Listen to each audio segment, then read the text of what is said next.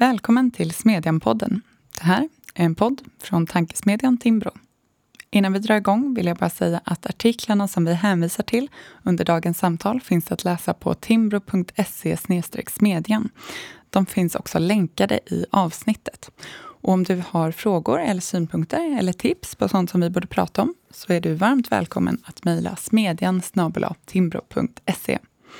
Men jag heter Katarina Karkiainen och idag ska vi tala om the artist formerly known as Folkpartiet, Liberalerna som har allas blickar på sig den här veckan. Åtminstone alla som är hyfsat intresserade av svensk politik. Det är ju nämligen så att på söndag ska Liberalernas partiråd fatta beslut om partiets vägval inför valet nästa år. Det är antingen partiledaren Nyamko Sabuni och partistyrelsemajoritetens linje att Liberalerna ska gå till val på att bilda en borgerlig regering som kan söka stöd bland riksdagens alla partier. Eller linjen som säger att det är ett överordnat mål för Liberalerna att hålla Sverigedemokraterna isolerade. Och det är förstås ett beslut som kan komma att bli viktigt och definierande de kommande åren. Så vilka idéer och personer definierar dessa partiets två olika inriktningar? Vad kommer partiet att fatta för beslut på söndag? Kommer Liberalerna åter till borgerligheten? Och är det där de ideologiskt, sakpolitiskt och väljarmässigt hör hemma? Det ska vi prata om idag. Och för det har vi med oss Karin Svanborg Sjövall, liberal skribent och författare, tidigare VD för Timbro och innan dess med en bakgrund inom Liberalerna. Välkommen! Tack så mycket! Och Sven Dahl, statsvetare och chefredaktör på Smedjan. Hej! Hej! Sven, du har skrivit en artikel på Smedjan om det här som publicerades igår eftermiddag. De liberala kärnväljarna står på Sabonis sida eh, så som man får läsa om man vill ha alla detaljer. Och vi ska komma in på läget nu som du beskriver och siffrorna i den här undersökningen som vi har låtit göra, som den här artikeln handlar om. Men där skriver du att mycket talar för att det kan bli en hård och jämn strid. Det är hetsk stämning inom partiet. Ja, det är riktigt dålig stämning skulle jag säga. Ehm, det finns de som säger att det kanske till och med är ännu sämre stämning än det var inför att Sabuni valdes då det också var väldigt dålig stämning i de här interna diskussionsgrupperna som har, ja, men, har stort utrymme inom Liberalerna. Och det, det man får höra så här att det tillhör så här vardagen att de som är emot Nyamko Sabuni anklagar sina partivänner som då förespråkar då Sabuni-linjen för att vara bruna och SD-anstrukna. Det är verkligen ett väldigt otrevligt samtalsklimat där. Hur länge har det som vi nu snart då är kanske på väg att se kulmen av pågått. Jag tycker att det kan vara svårt att få en känsla för det när man läser enskilda artiklar. I det här reportaget i SvD om de inom partiet som har bytt sida, där du för övrigt som, som statsvetare spelar en ganska stark roll vid sidan av partisterna. På det här Torbjörn Nilssonska sättet eh, att beskriva det på, sitter långt bak i en sal och dricker en kopp kaffe och sen går hem och bestämmer dig för att göra den här eh, opinionsundersökningen. Det är för övrigt läsning som, som också rekommenderas. Men där tas ju avstamp i våren 2020 i den här stora artikeln om det, som, det här som du sen skrev på Smedjan, eh, Liberalerna hör hemma till höger, så beskriver du hur under stormen i Liberalerna vintern 2019 så stöter du ihop med en tidigare högt uppsatt liberal politiker som säger det här att Liberalerna måste bestämma sig om man är en diskussionsklubb eller ett politiskt parti. Men man kan ju också, som du skriver, mena att det här började redan med Lars Leijonborg och valet 2002. Kan du inte fylla ut den här historiska bakgrunden lite? Kan, kan hjälpa oss att förstå. Vad är det som har liksom följt Liberalerna under den här tiden? på ett väldigt grundläggande plan kan man börja på, ja, men på en partikulturell nivå och säga att Liberalerna alltid varit ett parti som ja, haft väldigt högt i tak, har haft ganska många olika idéer om vad som är liberalism. Det har all, historiskt sett hade, hade man ju en, ja, men en ganska ordentlig konflikt som faktiskt ledde till en partisplittring på 20-talet som handlade, där det, stod, där det var frisinnade stod mot, mot storstädernas kulturradikaler. Så det har alltid varit, det har alltid varit ett parti med ganska högt i tak och ett debattglatt parti. Och det, det, men det är ju på gott och ont. Och man kan väl säga så här att de senaste ja, men decennierna har den, den, de dåliga sidorna av den här kulturen eskalerat. Och särskilt illa får man väl lov att säga att det blivit just det, det senaste det, ja, men de senaste åren efter, egentligen efter valet 2018 och de vägval som man gjort där. Och det, då har du den här situationen där i princip alla aktiva liberaler har sin idé om vad som är den sanna liberalismen. Och det är klart att om man tror sig sitta inne med sanningen kring vad liberalismen är, att då blir det dålig stämning. Och eh, det är det, som får, det är det som gör att de här konflikterna framstår som så otroligt oförsonliga. Även då jämfört med andra partiers interna konflikter. Men, men eh, det som jag skriver lite om, om eh, i artikeln och där jag tar upp Lars Leijonborg och egentligen det som händer det som hände efter valet 2002. Alltså det finns ju med i bakgrunden. För man kan säga att Lars Leijonborg vad han startade där var ju en, ett, ja men ett, ett omvandlingsprojekt av partiet där han började trycka på integrationsfrågorna, språktestet var ju symbolen för det här, men det var ju egentligen en insikt om att ja, om Sverige ska vara ett liberalt samhälle som ger människor lika möjligheter, då måste vi försöka hantera integrationsfrågorna. Så de var väldigt tidigt ute där. Och det var ett projekt som Lars Leijonborg aldrig riktigt lyckades lyckades förankra i sitt parti. Det var kontroversiellt. Jag menar, migrations och integrationsfrågorna var kontroversiella och det här är redan 2002. Så att det här var otroligt kontroversiellt internt. Och sedan skedde dataintrångsskandalen i valrörelsen 2006, vilket gjorde att den här, den här, ja, det här politiska projektet som Lars Leijonborg drev lite tappade, tappade fart och sedan blev det, blev det ett partiledarskifte med en partiledare som hade en helt annan, en helt annan inriktning. Ja, precis. Klipp då till 2019 när januariöverenskommelsen slöts och Jan Björklund sen eh, avgick som partiledare. Det känns ju avlägset nu, men också ett händelseförlopp som eh, kom att bli eh, väldigt viktigt. Ja, för vad, vad, vad Jan Björklund, som ju aldrig varit någon stor ideolog, alltså, han var en skicklig debattör, valdes faktiskt primärt till partiledare en gång i tiden för att han just var skicklig på att nå ut. Ehm, men någon ideolog var han ju aldrig och hade aldrig något riktigt politiskt projekt förutom skolan. Inget riktigt ideologiskt projekt och en idé om vad, vad, vad ett liberalt parti ska vara för någonting.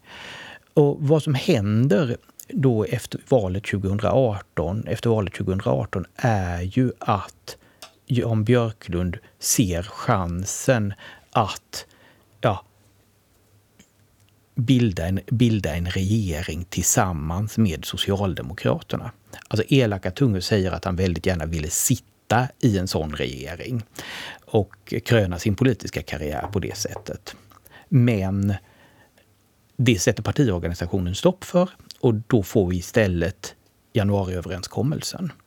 Sen är det märkliga då att, att eh, Jan Björklund signerar det här avtalet. Men avgår mm strax därefter. Det där är ett tema som man har sett lite i svensk och europeisk politik de senaste åren, men det är lätt att dra kopplingar till Fredrik Reinfeldt och decemberöverenskommelsen, eller som en sån situation som Anna-Greta Kramp-Karrenbauer eh, hamnade i när hon hade utsetts till efterträdare av Angela Merkel. Och det har väl inte varit helt lyckat, de exempel som man har sett hittills, när man har fått ta över en sån eh, överenskommelse. Nej, och det finns ju någonting som gör det extra besvärligt här. Det är ju nämligen att, att januariöverenskommelsen just för liberaler Liberalernas del bygger på att man har valt att bortse från partiets väljare. Alltså i, i, bland de aktiva liberalerna har det alltid funnits ganska många som gärna velat samarbeta med Socialdemokraterna. Men bland partiets väljare finns det väldigt få som vill det. Alltså det partiet väljare är till stor del borgerligt sinnade och många väljer mellan om man ska rösta på Moderaterna eller Liberalerna på valdagen, bestämmer sig ganska sent under valrörelsen. Och allt det här har ju funnits siffror på hur länge som helst. Det står mm. i varenda folkpartistisk valutvärdering att det är så. Men Jan Björklund gör kalkylen att Sverigedemokraterna förändrar den här spelplanen och nu ska Liberalerna sätta sig i regering med Socialdemokraterna. Och det visar sig vara då en, en ur ett väljarperspektiv fullkomlig katastrof för Liberalerna. Mm. Vi ska komma in på det också. Jag tänker bara en till sak som man måste förstå är ju som själva valet av Nyamko Sabuni. För man valde ju ändå henne att så att säga efterträda Jan Björklund och inte Erik Ullenhag till exempel. Hur ska man förstå det? Eh, det enklaste svaret är ju att man ville ha en partiledare som var så olik den, eh, den eh, tidigare partiledaren som möjligt. Och Ullenhag var ju väldigt mycket symbolen för ja, partietablissemanget, men också vilket man, det är lätt att glömma bort, han jobbade väldigt nära Jan Björklund under väldigt många år. Och att det var de två som styrde partiet tillsammans. Så att komma bort från det och samtidigt kanske hitta, någon, hitta en, ja, men en ideologisk berättelse, vilket ju faktiskt Nyamko Sabuni har, um, lockade, lockade inte minst alltså liberaler utanför den ganska hög, i debatten högljudda Stockholmsfalangen. Mm. Och situationen som följde på det valet har ju till exempel beskrivits av dig Sven som att den här vi-känslan som historiskt sett ändå hållit samman Liberalerna trots en liksom individualistisk och debattglad partikultur har gått förlorad. Du hänvisar också i din text till Johan Hakelius spaning i Fokus där han skriver att det skrevs aldrig något fredsfördrag mellan de två partifalangerna efter det senaste partiledarvalet. Det förhandlades bara fram ett vapenstillestånd. Ja, och det här vapenstilleståndet har väl egentligen har väl upphört nu skulle jag säga i och med, mm. i och med att, eh, att eh, Sabuni bestämde sig för att ja, men, säga att partiet hör hemma på den borgerliga sidan. Mm. Men eh, jag tror att man ska förstå det lite att hur, vilken chock det var för delar av partietablissemanget att Sabuni blev vald. Um, och att det var ganska många, så här, inte minst Liberalerna i Stockholm, som kände att de blivit berövade sitt parti. Mm. Att här kommer så här partidistrikten runt om i landet. Och, eh, ja, och vinner den här partiledarstriden medan deras kandidat, etablissemangskandidaten, förlorar. Det var för, för många var det faktiskt helt otänkbart att det skulle, att det skulle hända. Mm. Vad säger du om det här Karin, eller det som har sagt? Känner du igen dig i den här bilden?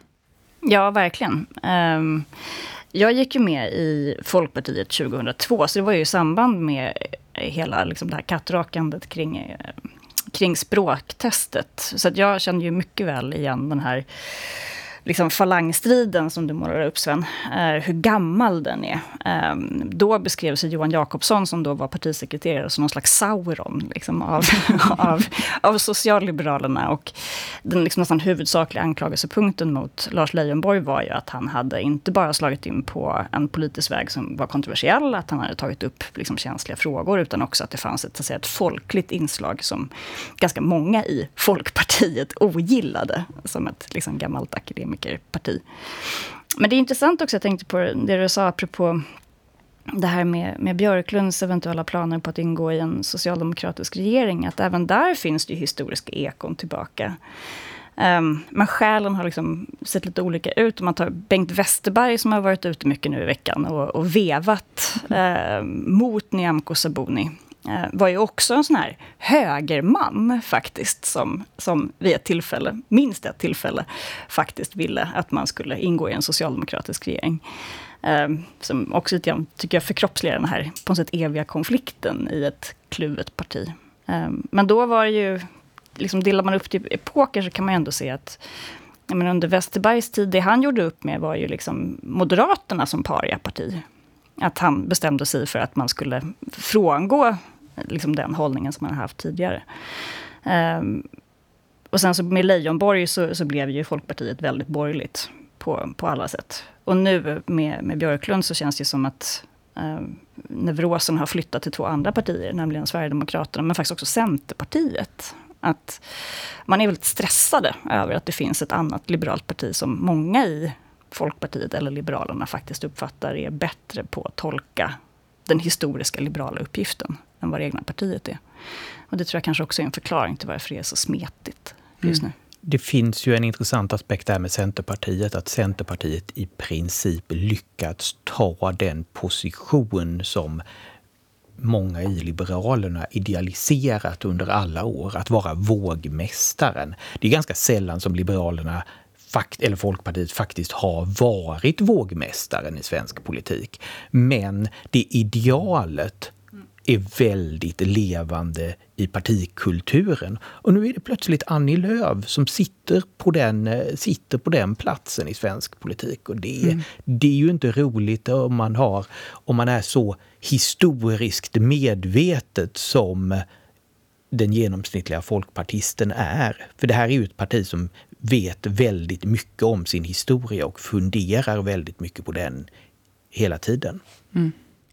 Det här valet handlar ju också väldigt mycket om hur man betraktar den januariöverenskommelse som man nu är en del av. Hur skulle du säga att den har varit för Liberalerna, Karin? Sakpolitiskt, strategiskt, ideologiskt, väljarmässigt? Ja, väljarmässigt så har den ju rätt uppenbart varit en katastrof. Eh, sakpolitiskt så fick man ju igenom eh, avskaffandet av värnskatten, som i och för sig som var ju det som de trummade på mest, som var liksom det de var nästan mest angelägna om. Eh, I övrigt eh, så är väl juryn fortfarande rätt mycket ute kring i vilken utsträckning det här har varit en sakpolitisk succé eller inte. Ehm, det är ju ganska många av de här viktigaste liberala reformerna som har blivit framskjutna eh, på, på framtiden, så det återstår att se. Men jag tycker ändå att det är svårt att, att landa i någon annan slutsats än att det här har varit ett, en, rätt mycket av en katastrof, faktiskt, för Liberalerna eh, av, av flera olika anledningar. Eh, där den har underhållit just den här konflikten på, på, på, olika och ganska, ganska tråkiga sätt. Så jag har, eh, jag har lite svårt att förstå de få kvarvarande som ser det här som en, som en jättesuccé faktiskt. Eh, jag tänker lite att å ena sidan så finns, eller framförallt fanns tidigare den här bilden av ett framgångsrikt samarbete där man har fått igenom liksom viktiga liberala reformer. Vissa saker som man till och med inte kunde göra under alliansregeringen. Och sen nu på senare tid och å andra sidan så finns en liksom väldigt stark bild som bland annat har tecknats av Torbjörn Nilsson i, i SvD, i det här, den här sagda eh, artikeln om de i partiet som har bytt sida. Och det är en bild av budgetförhandlingar där det har varit mycket dålig stämning mellan just liberaler och socialdemokrater. Man har klagat på finansministerns stil, sagt att Socialdemokraterna tvärtom liksom fördröjer, förhalar de här eh, liberala reformerna som de ju faktiskt egentligen inte vill genomföra. Och det finns ju så att säga både rent eh, de facto, det man ser av det som kommer ut av samarbetet, men också kanske historiskt och partikulturellt ganska mycket eh, för Socialdemokraterna som tyder på att det skulle stämma. Ja, men det där tycker jag är så, så intressant ändå. Eh, både när man tittar på, så, på kulturskillnader inom Centerpartiet och, och, Liberalerna kring hur de uppfattar socialdemokratin, men också att för mig har det ändå varit överraskande, måste jag säga, att man har landat, om man har landat nu inför den stora eventuella slutstriden då i, i helgen. Ehm, för jag hade nog ändå väntat mig att den så att säga, vänsterkant inom Liberalerna, som ju har velat ha ett närmande till Socialdemokraterna och som inte har en lika självklar borgerlig identitet kanske, ehm, att de ändå eh, skulle vilja gilla det här samarbetet. Men det är ju värt att notera inför den här slutstriden att det finns ingen linje överhuvudtaget nu som, som går ut på att man vill fortsätta det här samarbetet. Man vill ju inte ens alltså man vill ju inte samarbeta överhuvudtaget. Inte ens Nyamkos argaste kritiker. Så att i den meningen så verkar det som att två år in på den här mandatperioden så har ju den enda riktigt självklara slutsatsen alla verkar ha nått det att det går inte att ha att göra med sossarna. Alltså utan att bli blåsta. De sympatiserar med. Nej, jag tycker det där är jätteintressant och det handlar ju delvis om historia tror jag. Att centerpartisterna har ändå så här en historisk erfarenhet av att sitta i samarbeten med Socialdemokraterna och vara ganska bekväma med det, att det är faktiskt är partier som funkar på ungefär samma sätt.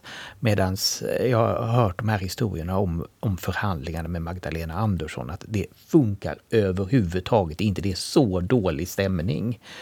Och det är helt fascinerande det här med att, ja, inte ens de som, igen, som har varit för januarisamarbetet är på något teoretiskt plan tidigare, mm. är särskilt mycket för det längre. Mm.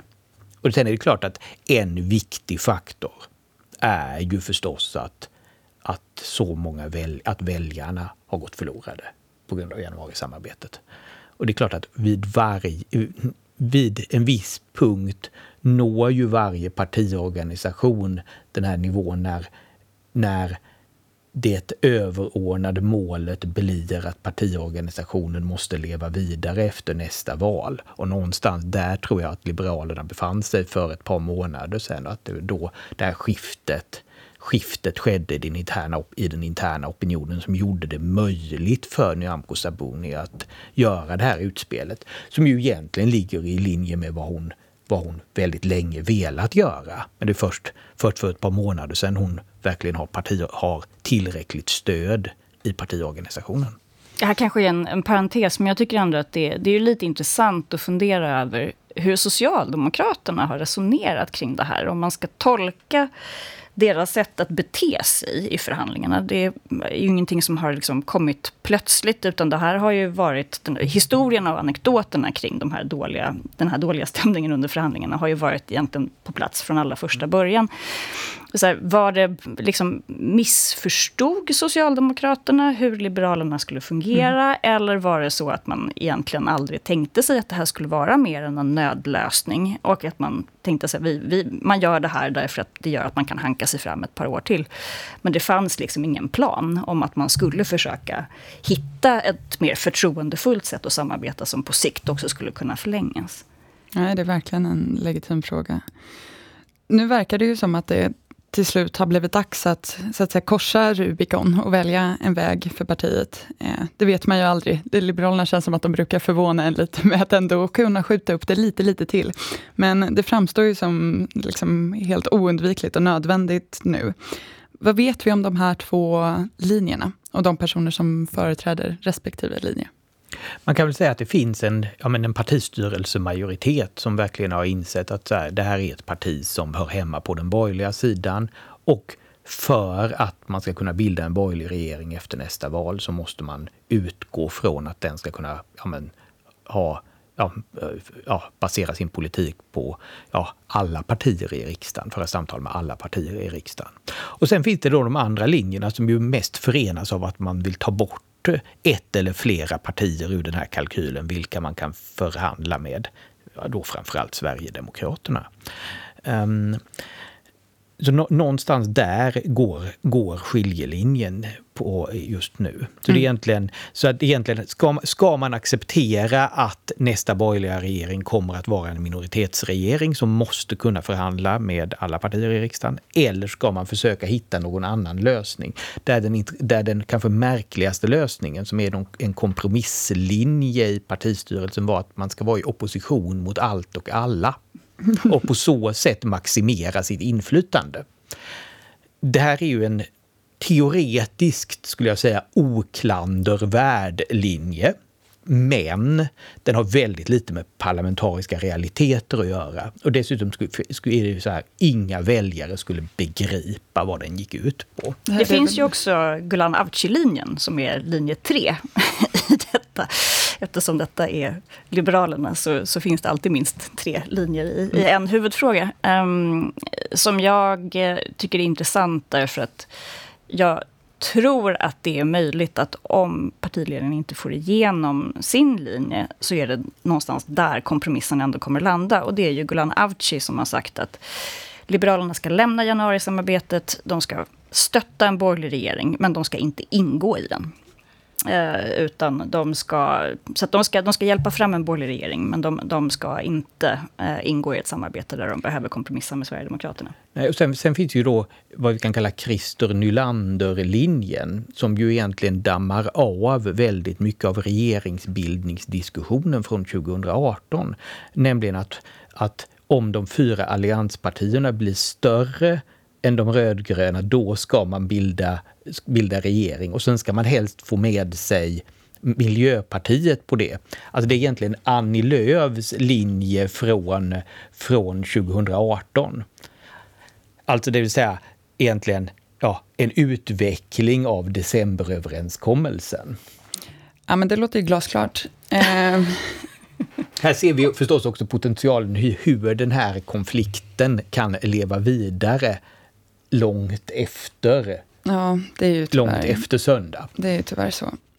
I praktiken så handlar vägvalet på söndag om Liberalernas överlevnad som partiorganisation. Det skriver du i den här artikeln idag, Sven. Och att de liberaler som tänker gå emot partiledaren, Nyamko Sabuni, tycks sakna förståelse för sina egna väljare. Det här har att göra med den här undersökningen som Smedjan har låtit Demoskop göra. Berätta om den. Ja, vad vi, vad vi har gjort är att vi har undersökt var väljarpotentialen för Liberalerna finns idag. För varje parti som är så här, är så litet som Liberalerna, så måste man ju ställa frågan så här, var skulle Liberalerna kunna hämta väljare? Och vad som framkommer där är ganska intressant. Det, det visar sig nämligen att fyra av tio M-väljare, fyra av tio moderatväljare skulle kunna tänka sig att stödrösta på Liberalerna om Liberalerna ja, lyckas, ja, lyckas ja, bli ett så tydlig röst för en borgerlig regering. Det vill säga att Sabonis linje vinner och hon mm. lyckas få mandatet och lyckas förmå driva den vidare och inte fastnar i de interna konflikterna. Så här finns det, här finns det en ganska betydande ja, med betydande väljarpotential högerut. Och det här är ju inte konstigt alls. Det här är ju en etablerad tradition bland, bland moderata väljare. Ehm, som har, som har lagt rösterna på både Kristdemokraterna och på Liberalerna historiskt sett för att då ja, men sä, maximera möjligheterna att kunna bilda en borgerlig regering. Så att det här är inte, det här skulle jag säga att detta är högst realistiska siffror. Att här finns det, här finns det ordentligt med väljare att hämta för Liberalerna. Men som sagt, det förutsätter ju att, man, att eh, Sabuni lyckas mm. med, sitt, med sitt projekt. Mm. Men väljarpotentialen finns till höger och det gäller också Liberalernas kärnväljare och delvis möjligheten att vinna röster från Centerpartiet. Ja, en intressant fråga som vi ställt är nämligen så här att vi har frågat Centerpartiets väljare om de tycker att eh, Centerpartiet borde fatta samma beslut som eh, det som Nyamko Sabuni vill, vill göra. Och de allra flesta centerpartister tycker inte det. Men det är ändå en fjärdedel av centerväljarna som tycker att eh, Centerpartiet borde gå på samma linje som Sabuni. Och det är inte helt otänkbart att för ett borgerligt liberalt parti att man skulle kunna ta en del av de väljarna. Och då är det ändå så här, här finns det också, alltså även Centerpartiet är ett hyfsat stort parti, så en fjärdedel av de väljarna, det är ganska många röster. Så här finns en, en ja men tycker jag, en viktig och kanske underskattad väljarpotential för, för eh, Liberalerna. Som ju också hänger ihop med att ett av problemen för Liberalerna de senaste åren har ju varit just differentieringen gentemot Centerpartiet.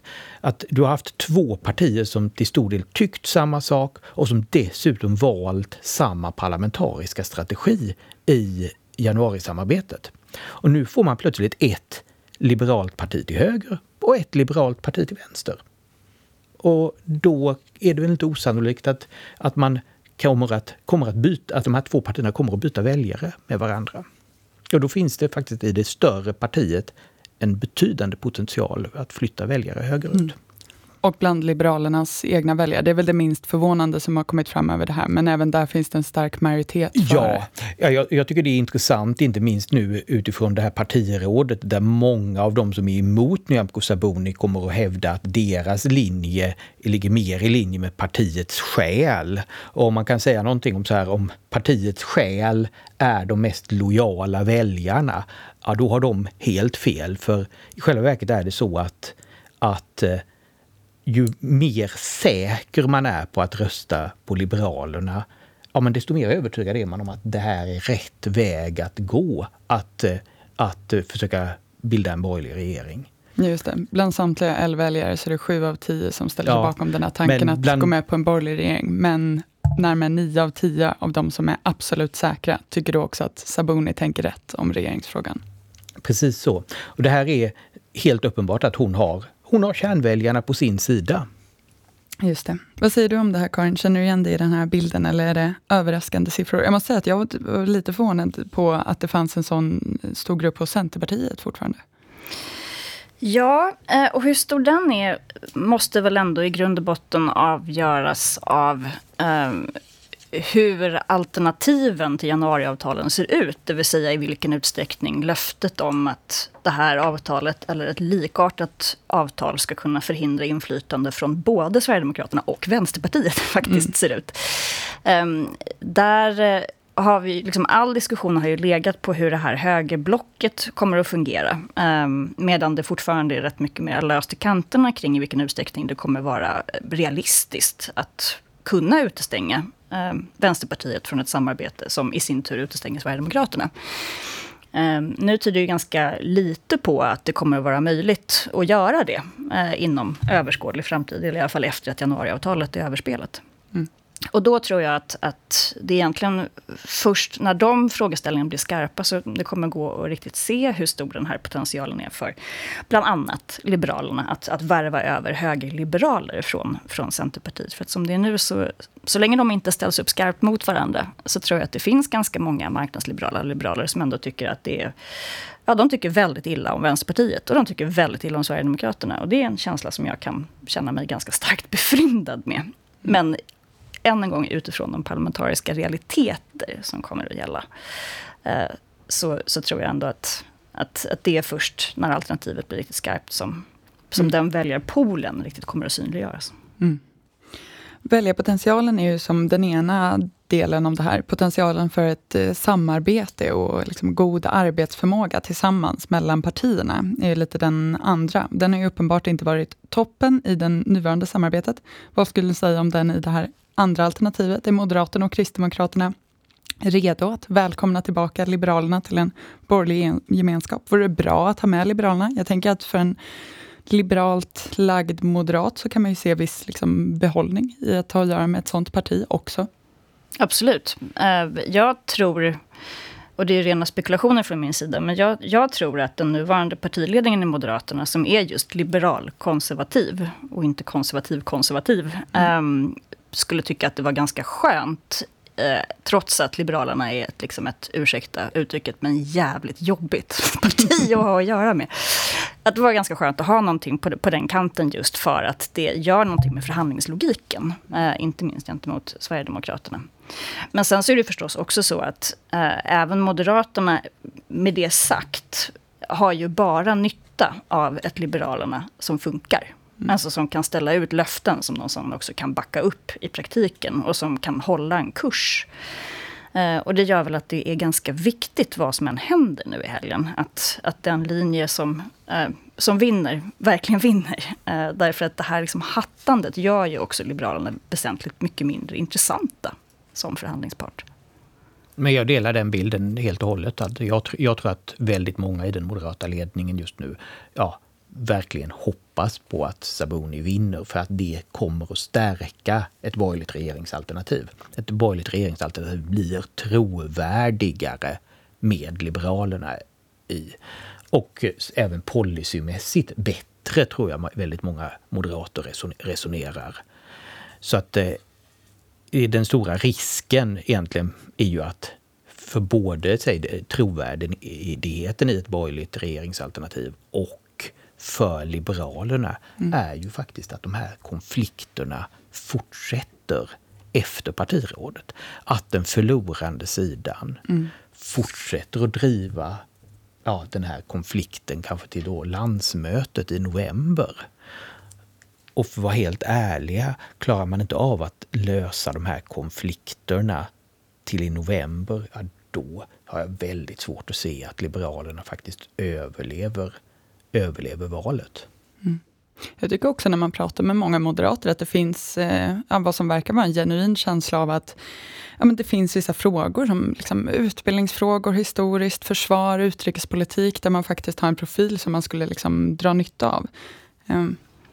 Men får jag lägga till där också? För att en, en sak som jag tycker att är lite lite synd att man diskuterar så lite eftersom de här liberala demokratifrågorna har blivit så mycket i, i, um, i förgrunden. Och det är inte för att jag inte tycker att de är viktiga, det gör jag. Men det är att de har överskuggat ett annat faktum som jag tycker är ett ganska starkt vägande argument för varför det vore väldigt bra att Liberalerna uh, återkom till ett borgerligt läger. Och det är ju att de faktiskt också skulle vara ett marknadsliberalt ankare. Mm. Um, det förs inte så mycket diskussioner om det därför att alla utgår från att Sverigedemokraterna har blivit övertygade marknadsliberaler och det kanske gäller liksom delvis och hos vissa. Tittar man på deras politik, um, så när det kommer till arbetslinje, till bidrag, till sådana saker är de inte särskilt borgerliga. Um, och det är faktiskt inte Kristdemokraterna heller. Inte för att de är liksom mot sänkta skatter eller mot företagande, men det är liksom inte det som är deras hjärtefråga. Så vill man ha en borgerlighet som också tar fasta på vänster-höger-konflikten, som vill ha den materiell och som inte vill att kulturkriget ska liksom överskugga allt annat, så tycker jag att det i sig är ett ganska starkt argument för varför det vore bra om Liberalerna återanslöt sig. Mm. Om vi ska försöka gå in för landning då. Det är mycket som händer och det verkar röra sig runt om i partidistrikten i landet. Vad tror ni kommer hända på söndag? Jag tror att eh, partistyrelsen och Sabuni kommer att vinna med ganska liten marginal. Ja, det skulle nog vara mitt, eh, mitt förhandstips också. Och om de inte gör det så tror jag att det blir eh, Gulan Avcis eh, kompromisslinje. Eh, som inte nödvändigtvis kommer att lösa alla knutar. Men det är väl de två alternativ som jag tror mest på. Jag tänker också att en aspekt av det här är, som vi varit inne på lite grann, möjligheten till liksom effektivt partiledarskap. Det finns bara så mycket som man kan göra om man inte har sitt parti med sig. Ehm, du var inne på, Sven, lite det här tidigare, att man gjorde ett sånt partiledarval efter Björklund, eftersom man ville ha en tydlig riktning. Är det här en kabinettsfråga för Nyamko Sabuni? Kan hon sitta kvar om hon inte får partiet med sig på sin linje den här gången? Nej, det blir ju helt omöjligt att, eh, att eh, fortsätta och vad skulle hon driva, gå in för att driva då ja, men motståndarlinjen? Nej, jag har svårt att se det. Det får lov att bli sista ordet och jag får lov att säga varmt tack till Karin Svanberg Sjövall och Sven Dahl för att ni var med idag. Tack! Tack så mycket! Tack också till er som har lyssnat. Om ni tyckte att det här var intressant hittar ni alla texter som vi har pratat om, som de liberala kärnväljarna står på Sabunis sida av Svendal på Smedjan. Jag kan också tipsa om en annan text från veckan. Socialdemokraterna har glömt Göran Perssons läxa, skriver Mikael Sandström, om att S i Stockholm vill gå till val på progressiv fastighetsskatt, avskaffat överskottsmål och slopad valfrihet. Den ledde också till en rolig debatt mellan honom och reformisterna i P1 Morgon igår, hörde jag, som man kan lyssna på om man vill. Nåväl, på timbro.se smedjan hittar du den. Vi ses där och hörs igen här om en vecka.